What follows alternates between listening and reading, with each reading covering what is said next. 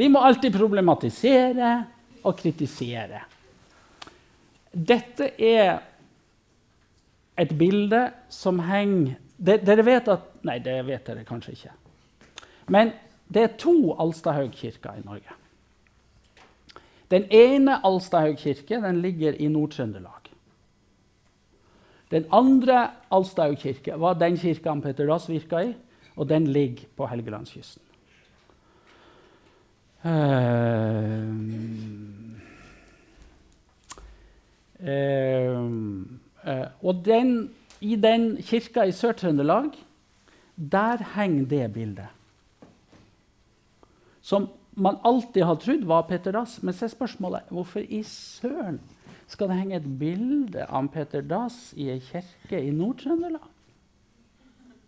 Så det gjør jo at man har begynt å bli veldig usikker på om dette faktisk er Petter Dass, eller om det er eh, den lokale sognepresten på et uh, gitt tidspunkt i, Nord, i den kirka i Nord-Trøndelag. Så vi vet, vi vet, faktisk ikke det. Og, så kanskje ikke det, dette Petter Dass, rett og slett, men det er nordtrønder. Um, så, det, så det gjort, men, men altså, folketradisjon og alt ja, det er han. ikke sant? Han ser sånn ut. Sånn ser Petter Dass ut. Det er sånn vi på en måte ser Petter Dass for oss. Men det behøver altså ikke å være det.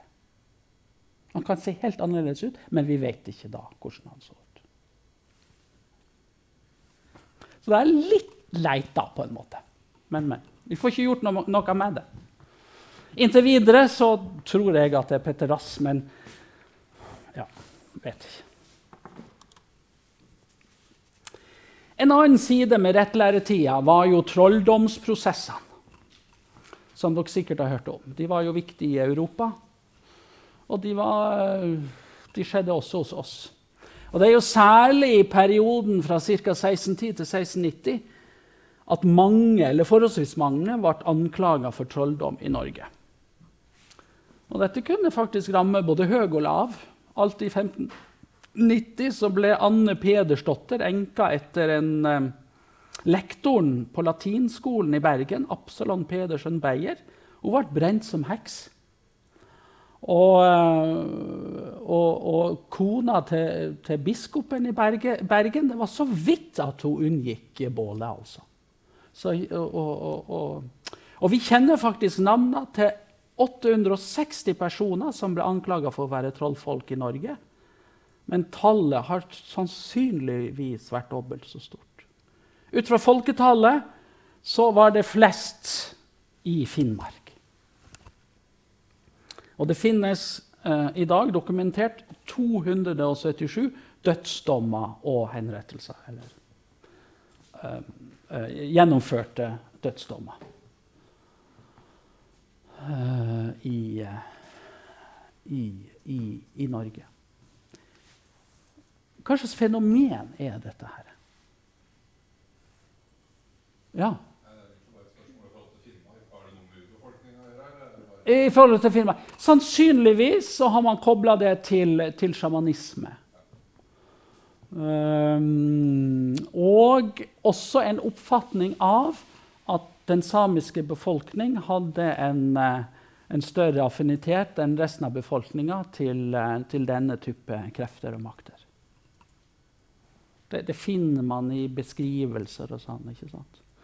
Og, ikke sant? De er notorisk ja, så upålitelige og ikke sant? står i ledetukt med det onde. ikke sant? Veldig sånn ovenfra og nedad-syn og, og, nærmest demonisering av den samiske befolkning.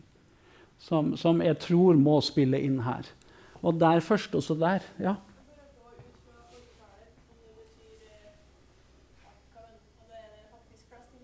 Nei, nei, nei. Det er relativt ut fra folketallet. Ja.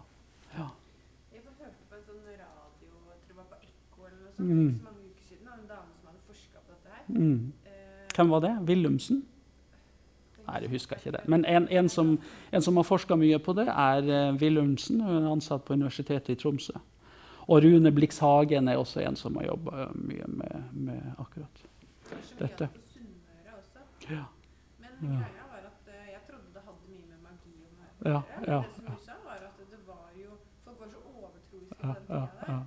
At uh, folk som var f.eks. fattige, eller som seg som bøllete, da, ja, de kunne liksom komme med sånn besvergelser Ja. på folk. ja. Eh, og at det var det Så hvis de da f.eks. ble syke, så Ja. sa at det var den besvergelsen Ja, ja, ja, ja, ja, ja. Kanskje mer enn akkurat det var noe sånn spirituelt. Ja, ja, ja. Og så var det jo dette med hvit og svart magi. Ja. Ja, ikke sant?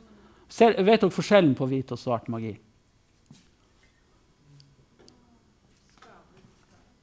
Skade og ikke skade. Ikke sant? Eh, magien eh, som er skade og som er ond, og som er, ikke sant? det er svart magi. Den hvite forsøker å bot, gjøre bot på. Den svarte, på en måte. Ja. Eh, og, og man kunne bruke trollfolk eller folk som hadde særlige evner, på begge deler. Det har vært en veldig interessant uh, synsvinkel. Der. Man har jo snakka litt om det. Altså. Hvilken kategori ville Snåsamannen uh, gått inn i på 1600-tallet?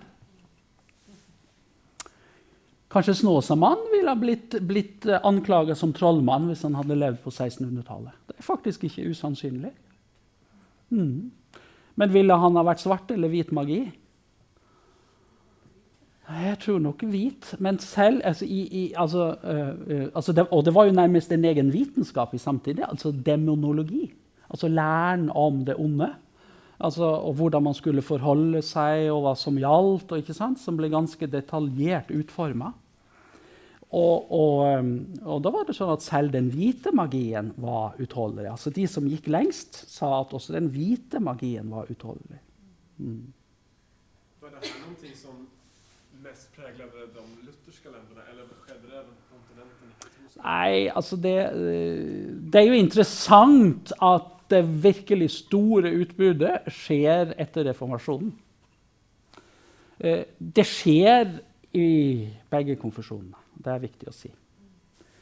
Det skjer både på protestantisk og katolsk mark. og denne heksehammeren, altså, denne håndboken i trolldom, den kommer jo fra 1400-tallet innenfor en katolsk kontekst.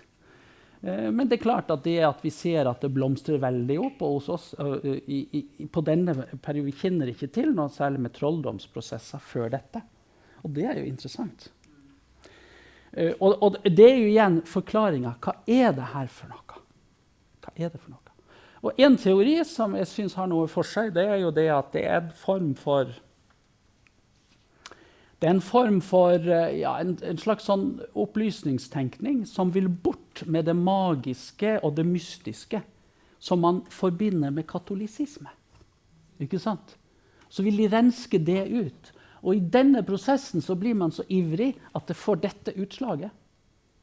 Det er en forsøk på å, be, å, å, å, bevare en ren luthersk lære, og så blir det, det kanskje konsekvensen. Og Jeg tror det er en teori som har mye for seg. Ja. Ja. Det hadde man også. Ja, ja, ja. Ja, ja, det, ja, det, det, det er klart at, at dette med dødsstraff og en, en helt annen, en annen holdning til dette med å berøve folk livet, ikke sant? går jo inn i dette. Ja, ja, ja. Går jo inn i dette, selvfølgelig. Men, men, men, men, så, så, så dette å, å på en måte dømme noen til døden, det var liksom ikke problematisert i den forstand. Ja. Jeg har lest i hvert fall Ja. at Ja, ja. Ja. Ja, ja. Ja, det kunne også være. Ja, ja, ja. Mm, mm, mm. Bål, ja, bål, og bål og alt dette. Brenning osv. Det var jo, det var jo allmenne europeiske straffemåter. Så, så, eh, så det er rett og slett en sånn at, man, at det er på en måte i den rette læres tjeneste, så blir dette en del av konsekvensen. Og det, det er jo eh, Kan vi jo si er beklagelig i ettertid. Eh, en, eh, et, et poeng som man Blix Hagen alltid trekker fram, det er det at i 1617 så feira man 100-årsjubileet for reformasjonen. Man sier jo at reformasjon, man regner det som startpunktet for reformasjonen. Er når Luther offentliggjør de 95 tesene mot avlaten. Det gjorde han 31.10.1517. 100 år etterpå har man et stort eh, reformasjonsjubileum og markering i Danmark-Norge. For å feire det. Feire reformasjonen, at reformasjonen har seiret. Samme år så utsteder man en forordning eh, mot trollfolk. Ikke sant? Altså, og, og, han, eh, Rune Blikshagen, sier det at det, det, er ikke tilfeldig at det skjer samme år. Så, og det gir jo også næring til denne teorien om at det er, dette er faktisk en effekt av uh, at man er så opptatt av å bevare den rene lutherske tro og skal bort med alt som minner om katolisisme og det man snakker om som papisteri. Altså det som har med paven og pavestolen og pavetrua å gjøre. Ja?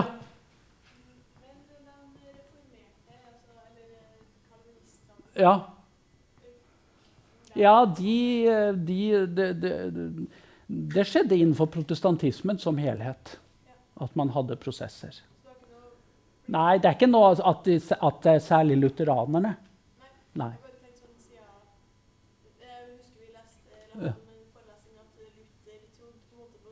Ja, ja. ja.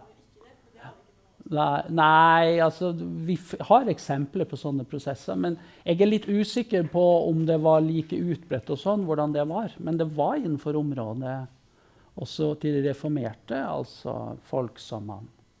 Men i det hele tatt så er den reformerte retning og Calvin og sånn, litt mer sånn rasjonell i sin tilnærmingsmåte. Det er jo riktig. Ja. ja.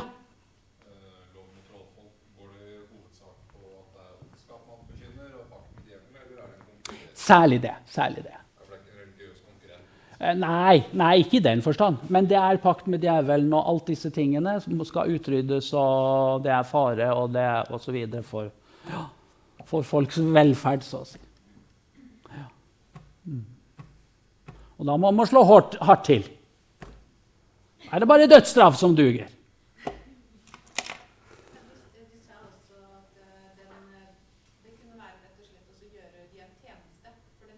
Ja, ja, ja. ja, ja, ja, ja, ja i verste, ja, ikke sant? Ytterste konsekvens. Vi befrir dem fra dette. Ja, her går det fort. Så nå, eh, mine damer og herrer, begynner vi på 1700-tallet. Og det vi møter tidlig på 1700-tallet, det er den retninga som går det, Så langt har vel ikke dere kommet i det allmenne pensum? Hvordan er det? Har dere snakka om pietismen i det allmenne? Har Sivert snakka om pietisme? Det betyr at det, det, første dere får om pietismen, det blir da på det norske og danske materialet, men det får dere heller bære over med. Um, og pietismen uh, den, uh, den prega jo uh, eh, 1700-tallet. Ikke bare i, i, i, i, Norge og Norden, men også i, i Tyskland, i Nord-Europa. Altså det, det, er jo en retning som vokser fram innenfor tysk lutherdom helt på slutten av 1600-tallet. Og på mange måter så kan den ses på som en motreaksjon i forhold til ortodoksien. Um, ortodoksien syns man kanskje hadde utarta litt. Den hadde blitt uh, for opptatt av den rette lære og for litt lite opptatt av hvordan man så å si praktiserer kristendommen, altså det kristne livet. Hvor ble det av? Slik at, at, at mot, mot, ortodoksien så sa pietistene kristendom er ikke bare lære, men kristendom må også være liv. Det må handle om hvordan vi lever. Det må influere livet vårt. Uh, slik at, at uh, pietistene kom til å understreke måten å leve på og opplevelsen av å være kristen i sitt indre. Altså det er en sånn veldig sånn subjektiv og, og, og, og, inderlighet og indre eh, måte å tenke på som, prega, eh, som prega pietismen. Eh, pietistene gikk også imot det man kalte for vanekristendom. Eh, det at man bare var kristen og deltok i kristne sammenhenger uten at man kanskje reflekterte så veldig mye over det. Man gjorde det kanskje fordi det etter hvert hadde blitt en tradisjon, og det var ikke bra. Nei, sa pietistene, det å være kristen det må være noe en selv velger. Og det må være noe en selv står inne for med sitt liv. Det er ikke bare å gjøre som alle andre gjør. Nei, du må selv bevisst gå inn for det. Og, og viktige elementer i dette ble da eh, nærmest kravet om vekkelse og omvendelse. Altså det er en personlig omvendelse til kristen tro. og Det å ha gjennomgått dette og på en måte vende det, det syndige livet ryggen og gå inn i en kristen eh, sitt, eh, gjennom en kristen omvendelse, det ble en målsetting innenfor pietismen. Og Det er jo en tenkning som vi møter, eh, møter, helt, møtt, møter helt opp til våre dager. Altså, dette spørsmålet om du er omvendt, er du frelst? Har du vært gjennom en omvendelse, et gjennombrudd? Uh, det, er, det, er et, det, er, en typisk pietistisk måte å spørre på. Ja. Det fortelles om en sånn Før i tida så for det masse rundt sånne emissærer eller lek... Uh, altså det, var, det var lenge etter Hans Nilsen Hauge, for å si det sånn altså lekfolk, emissærer, som for, rundt og forkynte på bedehus. og sånt. Og de var jo preget av pietisme. og Det grunnleggende spørsmålet var har du funnet Jesus. Har du Jesus i ditt hjerte? Og Så var det en kar som for opp opp i Nord-Norge på sånn turné. Så sto han da på bedehuset og sa har du funnet Jesus. Så var det en nordlending som svarte nei, har du mista ham? Det er en typisk måte å, for en nordlending å svare på. Ganske direkte. um, ja. Og etter at en var blitt omvendt, etter at en hadde vært gjennom en sånn omvendelsesopplevelse, så skulle man leve et nytt og bedre liv. Ofte så var det sånn at den som var omvendt, han kunne si nøyaktig tid og sted for omvendelsen. Ja, jeg ble omvendt den 20. juli i 2017. Ja. ja. Så det, det, er en sånn ja. ja. Altså det er tid og sted for dette. Det er liksom idealet. Og det, og det, betyr at de da som ikke kunne si at de har vært gjennom en, en omvendelse, de var da på en måte litt sånn B-kristen. Altså de det, det, ble, det, ble, litt sånn, sånn A- og B-lag de, de, altså de, som hadde vært i med, de var liksom avantgarden innenfor dette, mens de andre var ikke sånn. Nei, jeg er nå ikke omvendt, jeg. Oi. Så, så Sånn danna det seg litt sånn. Eh, ja, også bidro til at, den, skapte, den skapte avskalling. Altså det ble en fokus På en måte så ble det et fokus på en slags ja, Kall det religiøs elite. Altså, ikke sant? De som var innenfor, de som hadde opplevd dette. Og så var det de andre. Uh, så, det er, det, er, det, ja, så det er ikke bare innenfor katolisismen og klostervesenet vi har religiøse eliter. Det kunne vi også få i denne type uh, konventikler, ikke sant? hvor, hvor, denne tematikken, denne livsformen denne mentaliteten var, var, levende. Her hører på en måte den religiøse eliten til. Og setter på en måte standarden for hva som var sann og ekte kristendom. Og de som da ikke levde opp til denne standarden, de ble på en måte satt utenfor eller plassert i, i, i, i, eh, i randsonen, på en måte. Marginalisert. Pietistene var skeptiske til aktiviteter som ikke var kristne, som ikke var oppbyggelige. Eh, samtidig så hadde de et veldig aktivistisk preg. i det hele tatt. De var aktive, de var sosiale på mange måter. Var de sosiale entreprenører. Vekt på misjonsvirksomhet var jo noe som er viktig. Altså det vi gjerne kaller, Jeg kommer til å snakke mer om det når jeg kommer inn til det, mer den allmenne delen Euro, med Europa. Altså dette med det vi kjenner som hallepietismen. Altså den som hadde, hadde, sin bakgrunn i byen Halle i Tyskland. Der var en svær pietist, eh, pietistisk institusjoner som jobba både sosialt, pedagogisk og med, med misjonsvirksomhet. Uh, og dette fikk jo også sine avleggere også hos oss. 1700-tallets to store misjonærer er begge nordmenn i Danmark. Det er jo veldig interessant. Uh, og jeg nevner Thomas von Westen først. Uh, han, er jo, han, han, han, er jo, kjent. Hva er han kjent for, forresten? Er det noen som husker det? Er det et navn som liksom klinger? Lyder kjent? Thomas von Westen? Å ja, han, ja. Ikke? Nei. Sånn, så han hadde et fint hår, men jeg redde redd parykk. Jeg redde redd parykk. Men han var jo staselig. Og så var han bråmoden. Han tok teologisk embetseksamen bare 17 år gammel. Med parykk, sannsynligvis. Var sogneprest i Veøy 1711. Ble da leder for det vi, kan, det vi kaller Samemisjonen. Og ble nærmest en slags misjonsbiskop. Eh, han gjennomførte da i, årene 1716 til 1723 tre misjonsreiser til Nordland og Finnmark. Et viktig aspekt hos Thomas von Westen er språkspørsmålet. I motsetning til den senere samemisjonen, den på 1800-tallet, så var Thomas von Westen opptatt av at man måtte forkynne eh, på samisk til den samiske befolkning. Det var jo, det var jo et prinsipp som man brøt med eh, under den, eh, den, hardeste fornorskingsprosessen på 1800-tallet.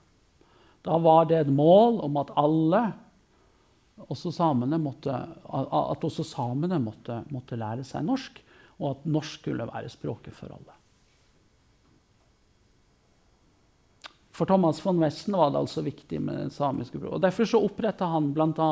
Eh, læreskoler videre for lærere som skulle virke i det samiske området. Det er faktisk den, den, eh, det seminaret som han oppretta i Trondheim, det er faktisk vår aller første lærerskole i, i, i Norge. Som altså går tilbake til 1700-tallet. Eh, Thomas von Westen han var altså eh, sogneprest på, på, på, Først var han sogneprest på Veøy, som det heter, på Nordmøre. Eh, og der eh, var han del av en krets eh, med sju prester som gjerne blir kalt for Syvstjernen. Og de var, eh, de var alle influerte av en pietistisk tankegang. Og de syntes at det var viktig nå å få aktivisert lekfolket og, uh, og, bevisstgjort dem i forhold til den kristne tro. Og de var opptatt av å preke mot vanekristendom og mente at folk flest måtte forstå at kristendommen skulle være en, en, en avgjort sak som man selv skulle stå inne for. Og I den anledning skriver de et langt brev til kongen i København å, hvor de da klager på situasjonen i sine menigheter. De syns at det var altfor mye ugudelighet og vanskelige ting, og så vil de ha reformer. Og i de reformforslagene som de sender til kongen, så er de helt tydelig influert av pietis, den tyske pietismen. Den hadde de sannsynligvis fått tak i dels ved å lese bøker, men også gjennom, eh, gjennom når de studerte i København. Alle på denne tida måtte jo som kjent studere i København fordi Norge jo ikke hadde et eget universitet. Eh, men så ble det da opprettet et såkalt misjonskollegium i København. som skulle jobbe, og Det viser jo at også hoffet ganske tidlig ble influert av pietistiske eh, tanker. Så opprettet, Kongen oppretta et misjonskollegium i København som skulle ha et særlig ansvar for å drive misjon. Og dette misjonskollegiet det sendte i 1714 ut eh, et rundskriv eh, om at prester og andre måtte eh, melde inn hvis, hvis det var særskilte misjonsoppgaver de så som viktig å få gjennomført.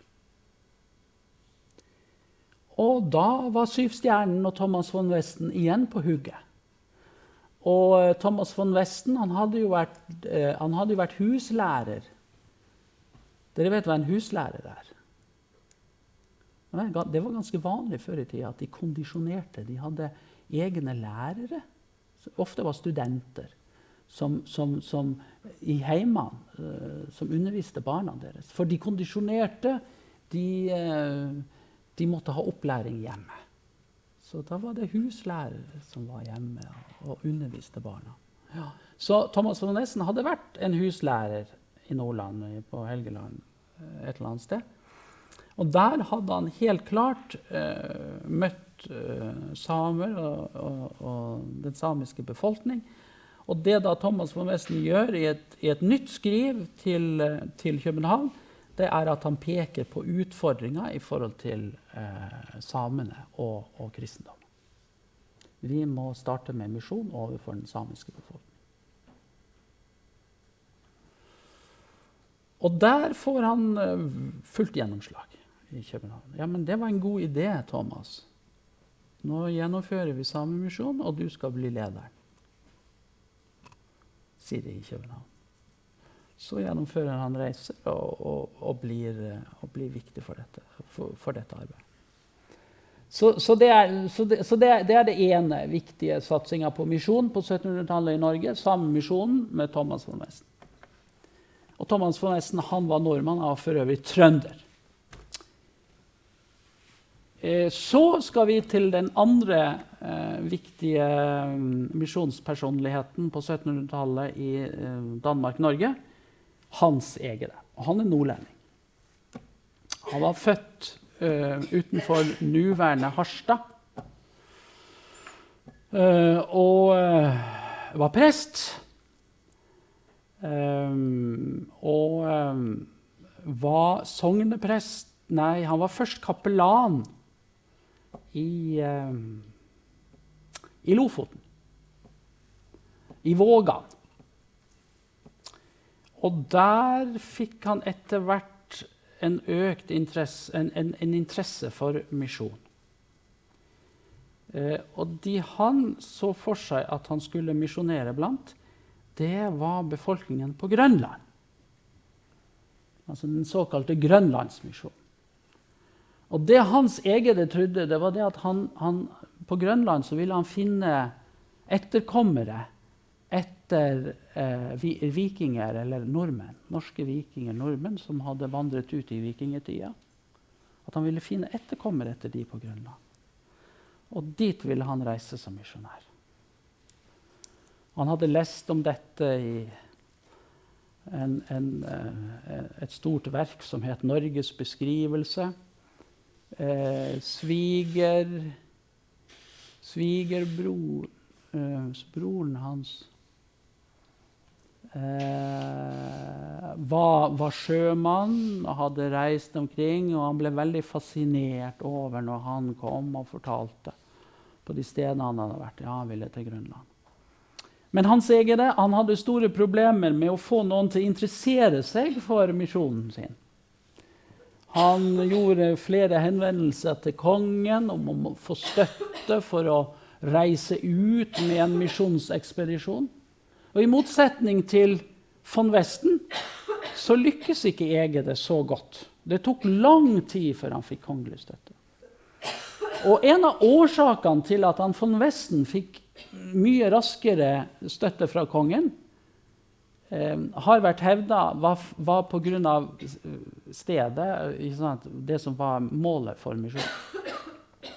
Kongen så det som svært viktig dette at, dette at von Westen skulle reise i nordområdene. Eh, og, og, og, og, det var viktig for kongen at misjonen kunne brukes for å markere hva skal vi si, norsk eh, hegemoni, norsk tilstedeværelse i nordområdene. Altså Misjonen ble en slags Og kirkene Etter hvert bygde man jo også kirker opp eh, langs grensene. Altså Kirkene og kristendommen ble en slags sånn grensefestning i nord. Eh, og det var viktig. Eh, mens det å reise til Grønland var ikke så viktig. Strategisk var det overhodet ikke viktig. Så, så Hans Egede han, han, måtte slite mye mer med å få en ekspedisjon. Etter hvert så, så han at det var litt vanskelig å sette opp i Lofoten og arbeide for misjon, så han reiste da til Bergen og forsøkte å få det til der. og Han fikk også støtte fra noen handelsfolk der. Og endelig, Etter mye om og men så fikk han kongelig støtte og kunne ruste ut en ekspedisjon og reiste da til Grønland. Han fant selvfølgelig ingen etterkommere til norske vikinger. Men han, han, han fant den inuittiske lokalbefolkningen. Og strevde veldig sant, i forhold til språk og i forhold til alt. Eh, og det tok lang tid før han kunne døpe den første inuitten. Og det var masse sykdom. Det kom en svær koppeepidemi mens han var der. Og han og kona, og Gjertrud Hun heter Gjertrud Rask. Eh, engasjerte seg veldig i forhold til å hjelpe lokalbefolkningen mot dette utbruddet. og De ble selv syke, og kona hans døde faktisk mens de var på, på, på Grønland. Så det var jo også en, en historie om, om, mye strev og mye. Men altså, disse tiltakene er en viktig uttrykk for nettopp den misjonsaktivitet og den bevissthet om misjon som etter hvert gjøres gjeldende på 1700-tallet, og som er en viktig del av pietismen. Og som etter hvert skal overleve, overleve i frivillige former gjennom Eh, den kristne lekmannsbevegelsen på 1800-tallet. 1800-tallet er jo en meget rik misjonsvirksomhet. Det, det, eh, tid for misjonsvirksomhet, noe vi skal komme tilbake til. Det er På mange måter så er det høydepunktet i den kristne misjonen. Det er nettopp 1800-tallet. Men det kommer altså inn her eh, eh, som en del av pietismen. Sosialt arbeid er også en viktig del av det. Det å arbeide for Eh, for de vanskeligstilte, eh, sosiale institusjoner, eh, hjem for foreldreløse osv. Man bygde opp barnehjem osv. Det var også en del av, av pietismens aktiviteter og innsats. Skole, undervisning, opplysning. Det var pietistene også veldig opptatt av. Og på mange måter så kan vi godt si at det vi kjenner som opplysningstida.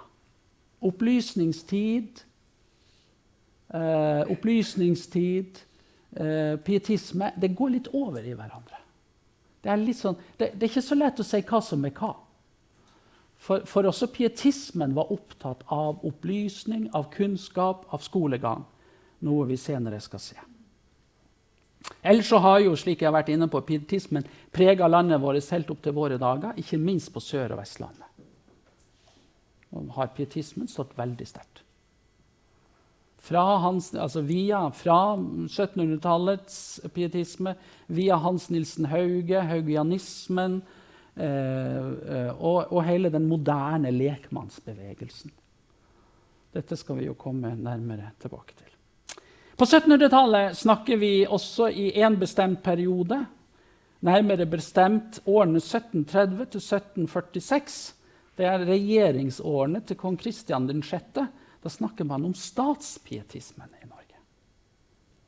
Og statspietismen eh, det var et forsøk fra kong Kristian 6., som selv var en overbevist pietist, om å innføre pietismen ovenfra gjennom lovverket. Han ville, han ville, gjøre sitt folk til pietister, for å si det sånn, og brukte lovverket til det. Og kanskje noe av det viktigste som skjer under statspietismen, det er innføringa av konfirmasjonen og av allmueskolen. Det er to helt viktige elementer og for, og særlig er det viktig for dere som er lektorstudenter, men det er selvfølgelig viktig for alle oss, for det er en viktig del av vår historie og vår utdanningshistorie. Det er nemlig pietistene som gir oss skolen. Det er pietismen som gir oss skolen. Og det skjer altså på 1700-tallet. Men det som kommer først, er konfirmasjonen. Den innføres i Norge i 1736. Spørsmål? Kolon. Hadde vi ikke hatt konfirmasjon før 1736? Hvordan, hvordan var det?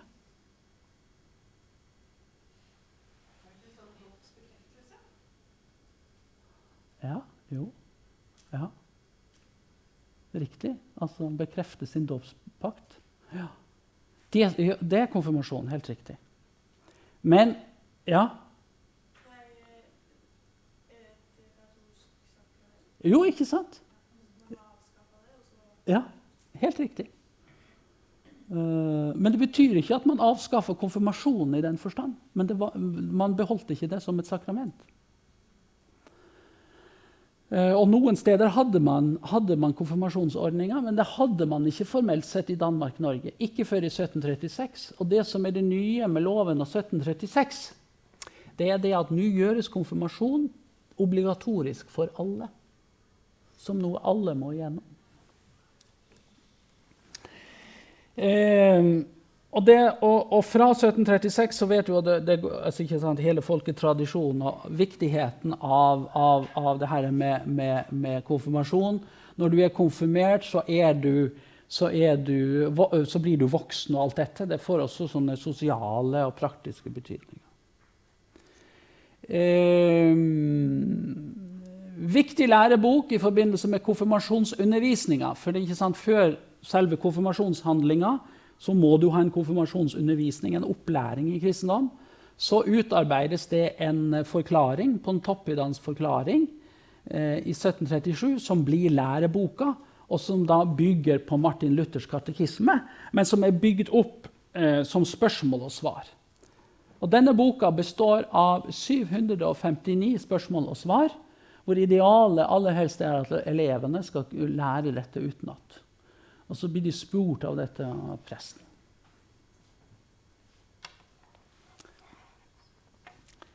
Konfirmasjonen forutsatte allmueskolen.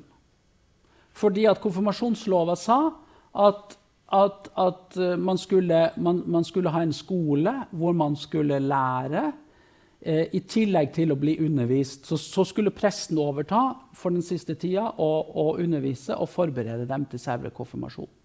Fordi, og man måtte ha en skole, fordi konfirmasjonen innebar jo at man måtte lære å lese. For å lære kristendom så måtte man kunne lese. Eh, og derfor får vi skolen. Så skolen er en direkte konsekvens av konfirmasjonen. Og den innføres i Danmark-Norge i 1739. Og det vi da får, det er en omgangsskole i første omgang. Dvs. Si at læreren går rundt på gårdene og underviser så å si gren for gren. Det er begynnelsen til skolen i Norge. Selve overhøringa i kirka, det vi kjenner som overhøringa Dere kjenner sikkert et begrep fra gammel tradisjon. Man blir overhørt i kirka på hva man kan. Det var selve skolens eksamen. Det var en offentlig overhøring. Det var skoleeksamen, og den skjedde i kirka. Så når man ble overhørt i kirka av presten, så var det eksamen fra denne skolen. Det betyr at alle som var konfirmert, de var per definisjon ferdig med skolen. Nå ventet arbeidslivet. Og konfirmasjonen hadde jo også borgerlige konsekvenser knytta til seg. Gifte, giftermål, militærtjeneste, vitnemål i retten osv. Alt dette var vanskelig hvis man ikke var konfirmert. Og Det var også knytta sanksjoner til det. Det kunne hende at man ble satt på tukthus for å bli konfirmert hvis det var riktig ille. Her er, her er, en av de første utgavene av konfirmasjonsboka eller læreboka som var til, i bruk ikke bare til konfirmasjonsundervisningen, men også i skolen. 'Sannhet til gudfryktighet'. Eh, en forklaring eh, av Martin Luthers liten katekisme. Og den var blitt skrevet av Erik Pontoppidan. Erik Pontoppidan. Vi har det gamle uttrykket 'pint under Erik Pontoppidan' pint under eh, Erik Pontoppidan. Det betyr de som måtte pugge den der boka han hadde skrevet. Det var å være pint under Erik Pontoppidan. ikke sant? Alle disse spørsmålene, alle disse svarene ikke sant, som de måtte pugge. Her er et eksempel på hvordan, eh, hvordan overhøring av konfirmantene på kirkegulvet kunne foregå. Dette er jo et maleri fra 1800-tallet. Ja, og hva er så andre trosartikkel? spør presten. Ja, husker du det, Jens? Nei. Enn du da, Trine? ja, ja, ja, ja. ja. Ja, ja. Ja, vi hadde også spørsmål, faktisk. Og enda så unge vi er. Ja, ja, så dette har vært lenge. Jeg husker det jeg måtte si i trosbekjennelsen. Eh, ja.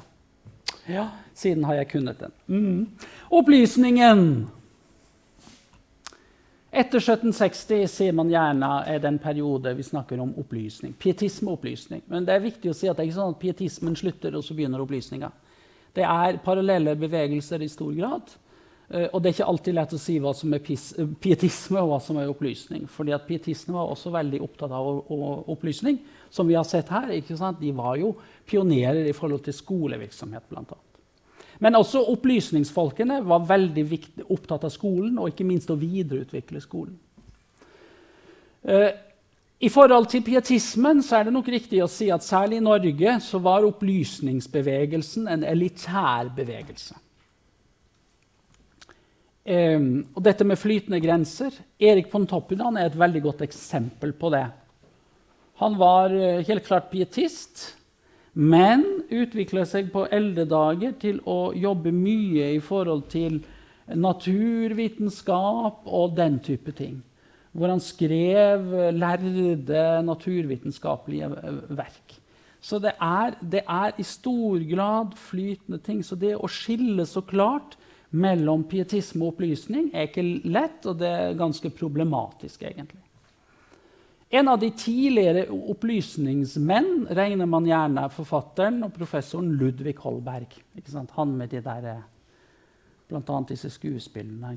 Morsomme Jeppe på Bjerget og farser og sånt. Men han var, veldig, han var jo professor av, av han var professor faktisk i flere fag, og, og, og, han var en tidlig representant for opplysningen.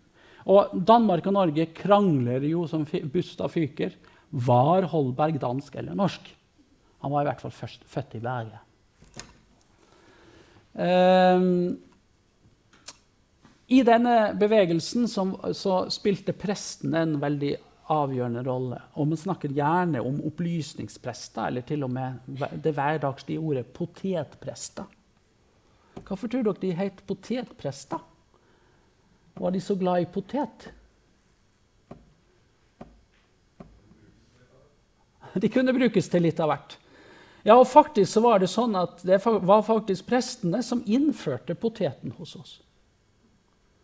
Veldig, veldig interessant. Altså. De, altså, de hadde sans for alt dette som var nyttig. Nyttetenkning. Det var de svært opptatt av. Uh, slik at de kunne stå på, på prekestolen og sa det er viktig Kjære menighet, at dere dyrker poteter. At dere bruker moderne kornsorter, for det øker avlingen utrolig meget. Det har jeg fått erfare på min gård. Altså, altså litt sånn. Altså den type. ikke sant? Det nyttige, det praktiske. Det fortelles om en prest, konkret. Folk som satt og hørte på han, han sa Salig er den mann som eier en potetåker som vender mot sør. Ja, han sa det i fullt alvor. Han mente det. Så de var litt sånn Ja, opptatt av det nyttige. De skulle undervise folk. De ble gjerne kalt for folkelærere, disse prestene. Eh, og så var de preget av fornuft, av opplysning. Altså Fornuften skulle være målestokk for religionen. De var lite interessert i sånne under og sånne mystiske ting, for det stred mot fornuften. Så de forsøkte på en måte å tilpasse religionen slik at den ble mer sånn fornuftsorientert. Tilpasse. Nei, Vi snakker ikke så mye om undre, dere. Men Jesus han var en utrolig flott folkelærer. Det var læreren det var læreren Jesus, de, ikke frelseren Jesus, men læreren Jesus de fokuserte på. Og, var, Man mente også at det var en harmoni mellom fornuft og åpenbaring. Har ikke Gud skapt vår fornuft? Ikke sant? Det kan jo ikke være, Den kan jo ikke stå i motstrid med åpenbaringen. Her må det jo være, det jo være eh, en samklang, en harmoni. Og det var jo denne eh, prestegenerasjonen Hans Nilsen Hauge måtte bryne seg mot når han sto fram eh, i 1790-årene eh, som omreisende forkynner. Det kommer vi tilbake til en annen gang. Jeg skal bare avslutte med dette bildet, som heter 'Aften i Det Norske selskapet i København'. Eh, fra slutten av 1700-tallet, hvor mange, i dette selskap møttes mange nord nordmenn. Eh, mange av dem var preget av opplysningstida. Eh, var viktig, ikke sant? Her studerte de. Eh, her kom de sammen, diktet, leste dikt for hverandre, diskuterte og lengtet til Norge. OK, nå har jeg gått over tida. Sorry. Jeg klarte ikke helt tre århundrer på to timer, men det var ikke langt unna. Eh, så får dere takk for nå, og så må dere huske på trenger ikke å komme hit neste onsdag. Men jeg kommer til, å, Eh, kommer til å ta opp neste gang når vi skal få tatt inn den ene gangen som vi mangler. Så da blir det neste gang blir da gangen etter der. OK? Takk. Ha en fortreffelig uke fortsatt.